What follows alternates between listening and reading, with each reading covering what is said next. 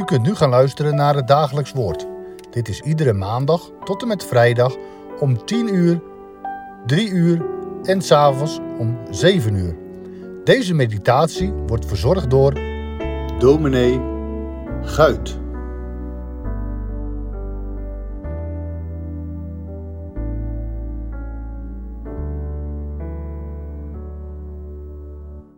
Ik lees met u enkele versen uit Lucas 24 en wel vers 46 tot en met 49. En hij, dat is Jezus, zei tot hen: Zo staat er geschreven, en zo moest de Christus lijden en uit de doden opstaan op de derde dag. En in zijn naam moet onder alle volken bekering en vergeving van zonde gepredikt worden, te beginnen bij Jeruzalem. En u bent van deze dingen getuige.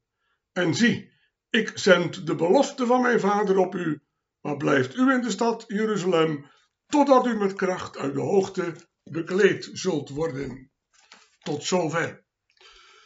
Het gedeelte dat we vandaag behandelen betreft een verschijning van de zaligmaker aan zijn jongeren na zijn opstanding. Hij verschijnt plotseling aan hen als zij schrikken zegt hij: Ziet mijn handen en mijn voeten. Ik ben het, de meester, die jullie drie jaar hebben gevolgd, die geleden heeft en gestorven is, maar die ook opgestaan is uit de doden. De jongeren kunnen het niet begrijpen. Het is te groots, te veel, te overweldigend voor hen. Hoewel bepaalde discipelen en bepaalde vrouwen verteld hadden dat de heiland verrezen was, bestaat bij sommigen toch nog de twijfel. Zou het wel echt zijn? Zou het wel waar zijn? En is de persoon die nu aan hen verschijnt werkelijk Jezus van Nazareth? Als de zaligmaker ziet dat zij het nog niet geloofden, vraagt hij of ze iets voor hem te eten hebben. En ze geven hem dan een stuk vis en honingraten. En hij eet het vervolgens voor hun ogen. Daarna opent hij hun verstand, zodat zij de schriften verstonden. Hij laat zien dat al wat er met hem gebeurd was in de schriften van het Oude Testament al was voorzegd. Zo lezen we in vers 46: En hij zei tegen hen: Sto staat geschreven, en zo moest de Christus lijden en uit de doden opstaan op de derde dag. Jezus Christus kon alleen aan het recht van de Vader voldoen als hij zich overgaf tot in de dood. Want het recht van God eiste dat de zondaar stierf, en zonder bloedstorting was er geen vergeving. Welnu, hij had het recht van de Vader lief, maar tegelijk had hij ook de zijnen lief. Daarom is hij volkomen gehoorzaam geweest en heeft hij zichzelf vernederd en overgegeven tot in de dood van het kruis. Opdat alle die in hem geloven vrijgesproken zouden worden. Zo was inderdaad van hem gesproken in de schriften van het Oude Testament. Denkt u aan Psalm 22 en Jesaja 53. In dat laatste hoofdstuk lezen we: Als zijn ziel zich tot een schuldoffer gesteld zal hebben, zo zal hij zaad zien. Christus werd totaal verbrijzeld, opdat de zijnen het leven zouden verwerven.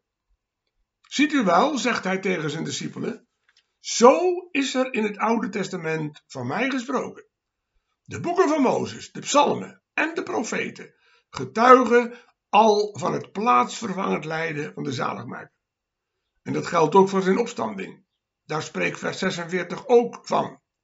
Jezus Christus is de eersteling geworden van alle die ontslapen zijn. En zijn opstanding is het onderpand van zijn verrijzenis en van alle die in hem geloven. Daar spreekt het Oude Testament ook van. We kunnen denken aan Psalm 21. Die spreekt van de overwinning van de grote koning, de Messias en zegt dan letterlijk van hem, want u komt hem voor met zegeningen van het goede. Op zijn hoofd zet u een kroon van fijn goud. Het leven heeft hij van u begeerd. U hebt het hem gegeven. lengte van dagen, eeuwig en altoos. Jezus gaat verder en zegt, en in zijn naam moet aan alle volken bekering en vergeving van zonde gepredikt worden, te beginnen bij Jeruzalem. Nadat gesproken is van de noodzaak van het lijden en de opstanding van de zaligmaker, wordt nu gesproken van de noodzaak van de prediking. Vroeger gebeurde het nogal eens dat een aardse koning afstand deed van de troon en dat zijn zoon hem dan opvolgde. En daarbij ontvingen op de dag waarop de nieuwe koning werd gekroond, beruchte gevangenen vrijspraak. Zij ontvingen gratie. Welnu, als de Heere zijn zoon verhoogt op de paasmorgen, hem uit de doden opwekt, mogen opstandelingen ook gratie ontvangen.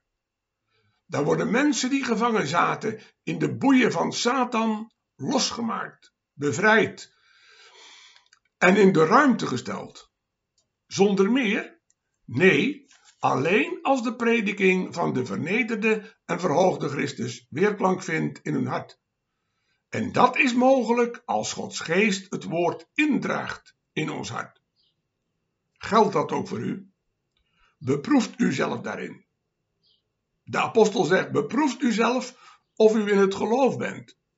Want als het woord van God door de geest toegepast wordt aan ons hart, dan worden we als een arme bedelaar tot Christus uitgedreven. Dan vallen we hem te voet. Dan geven we ons aan hem over. Dan wordt hij ook alles voor ons, in leven en in sterven.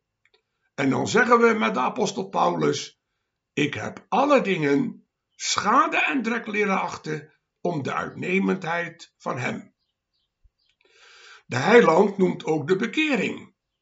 En in zijn naam moet onder alle volken bekering gepredikt worden. Wat houdt bekering in? Totale verandering van hart en leven. Ons hart wordt dan vernieuwd, maar ook onze levenswandel wordt vernieuwd. En onze omgeving ziet dat we mijden al wat de wereld te bieden heeft, maar dat we de dienst van God lief krijgen en dat wij zijn geboden onderhouden. Bekering en vergeving van zonde moeten gepredikt worden in de naam van Jezus Christus. En dan staat er nog bij, te beginnen bij Jeruzalem. Waarom lezen we dat erbij? Omdat daarvan in het Oude Testament al was geprofeteerd. In Jesaja 2 lezen we immers, uit Sion zal de wet uitgaan en het woord des Heren uit Jeruzalem. Dat schriftwoord gaat nu in vervulling.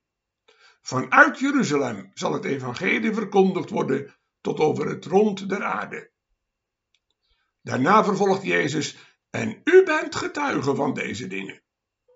Jawel, de discipelen van het eerste uur hebben alles gezien en gehoord wat met Jezus gebeurd is. Daarom zegt Petrus later: Wij zijn ooggetuigen geweest van Zijn majesteit.